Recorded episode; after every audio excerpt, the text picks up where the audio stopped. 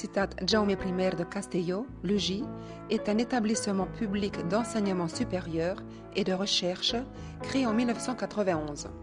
Il a pour but le développement social, économique et culturel de la société qui l'entoure à travers la création et la transmission de connaissances. Cette année, l'Universitat Jaume I fête ses 15 années d'existence en tant qu'établissement pleinement consolidé et intégré dans la société de la province de Castelló. L'UJ est un projet appartenant à tous.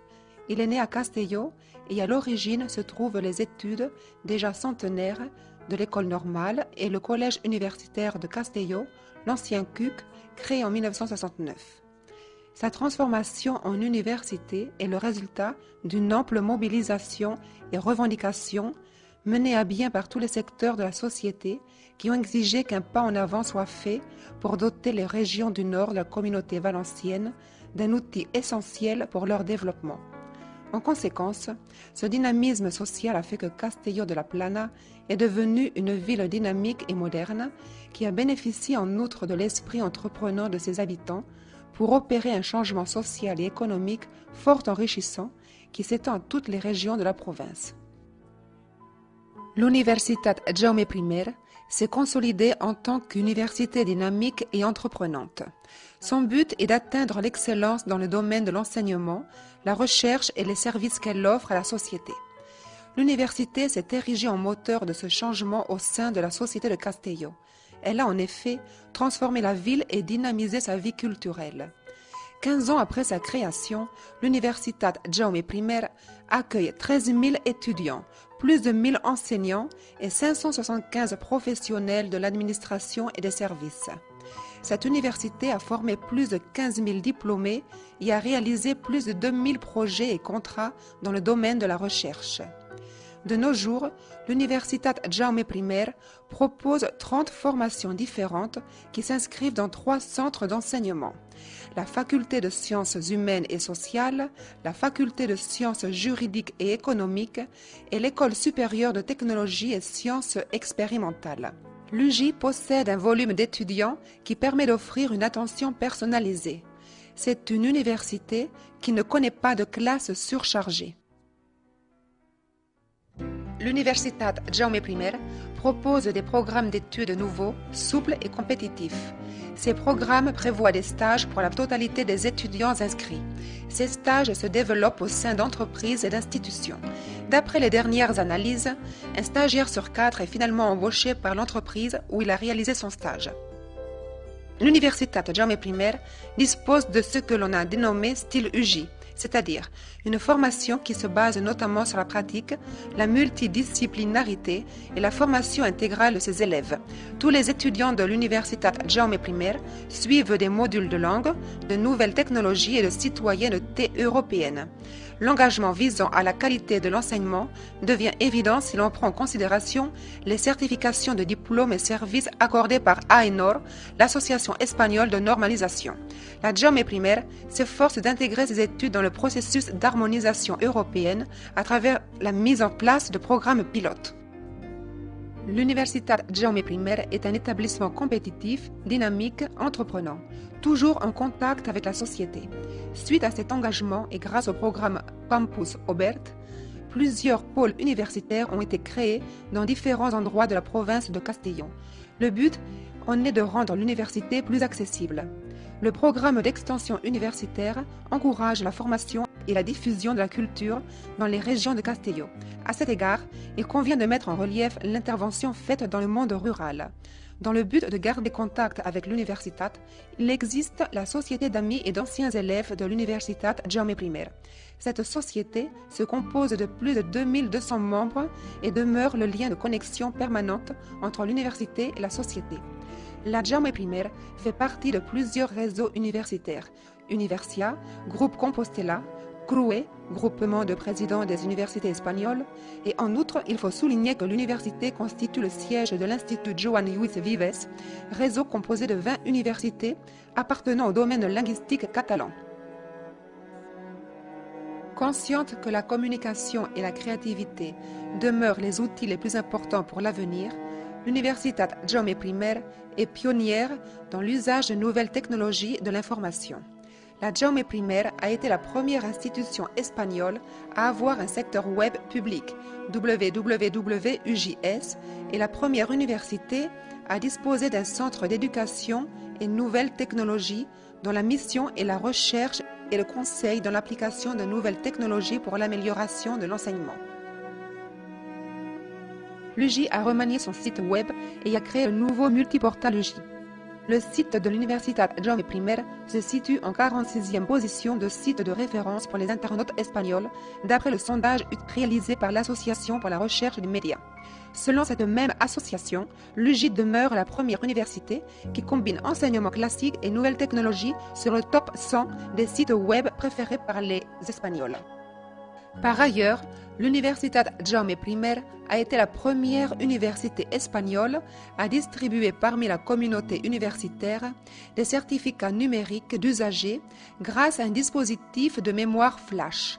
De nos jours, il s'agit de la première administration de la communauté valencienne grâce à son niveau d'implantation de la signature numérique parmi ses membres. L'UJ est devenue une université pionnière en Espagne dans le domaine de l'enseignement multimédia grâce à l'installation dans toutes les classes d'un équipement informatique et audiovisuel intégré sur la table de l'enseignant.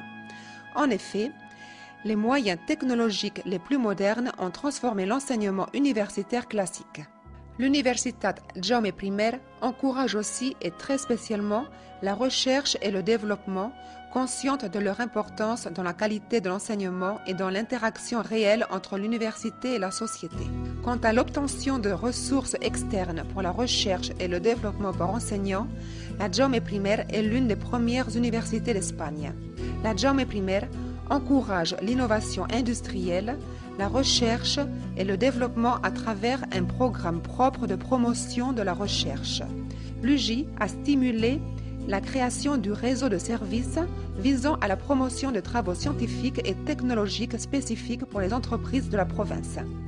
L'université a créé avec la Confédération d'entrepreneurs de Castelló une société qui gérera et exploitera le futur parc scientifique et technologique de l'UJ. Il faut noter également que l'UJ est le siège de l'Institut de technologie céramique, centre leader au niveau mondial pour la recherche et développement technologique de l'industrie du carrelage. L'UJ dispose en plus d'autres instituts universitaires et fondations qui travaillent dans d'autres domaines de connaissances. L'Universitat Jaume I a signé des accords de collaboration avec des universités et des établissements d'enseignement supérieur espagnols et étrangers, surtout en Europe et Amérique. La Jaume I encourage les échanges internationaux d'étudiants et les stages à l'étranger. Elle propose aussi ses propres programmes d'échange d'étudiants avec des universités des États-Unis et d'Amérique latine le Master international d'études pour la paix et le développement, organisé par la chaire UNESCO de philosophie pour la paix, qui accueille plus d'une centaine d'étudiants et professeurs en provenance de 40 pays différents, a été une initiative pionnière en Espagne.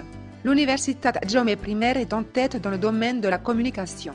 La preuve en est qu'elle a été la première université espagnole à avoir créé et à avoir mis en place un programme d'image et de communication pour toute l'institution.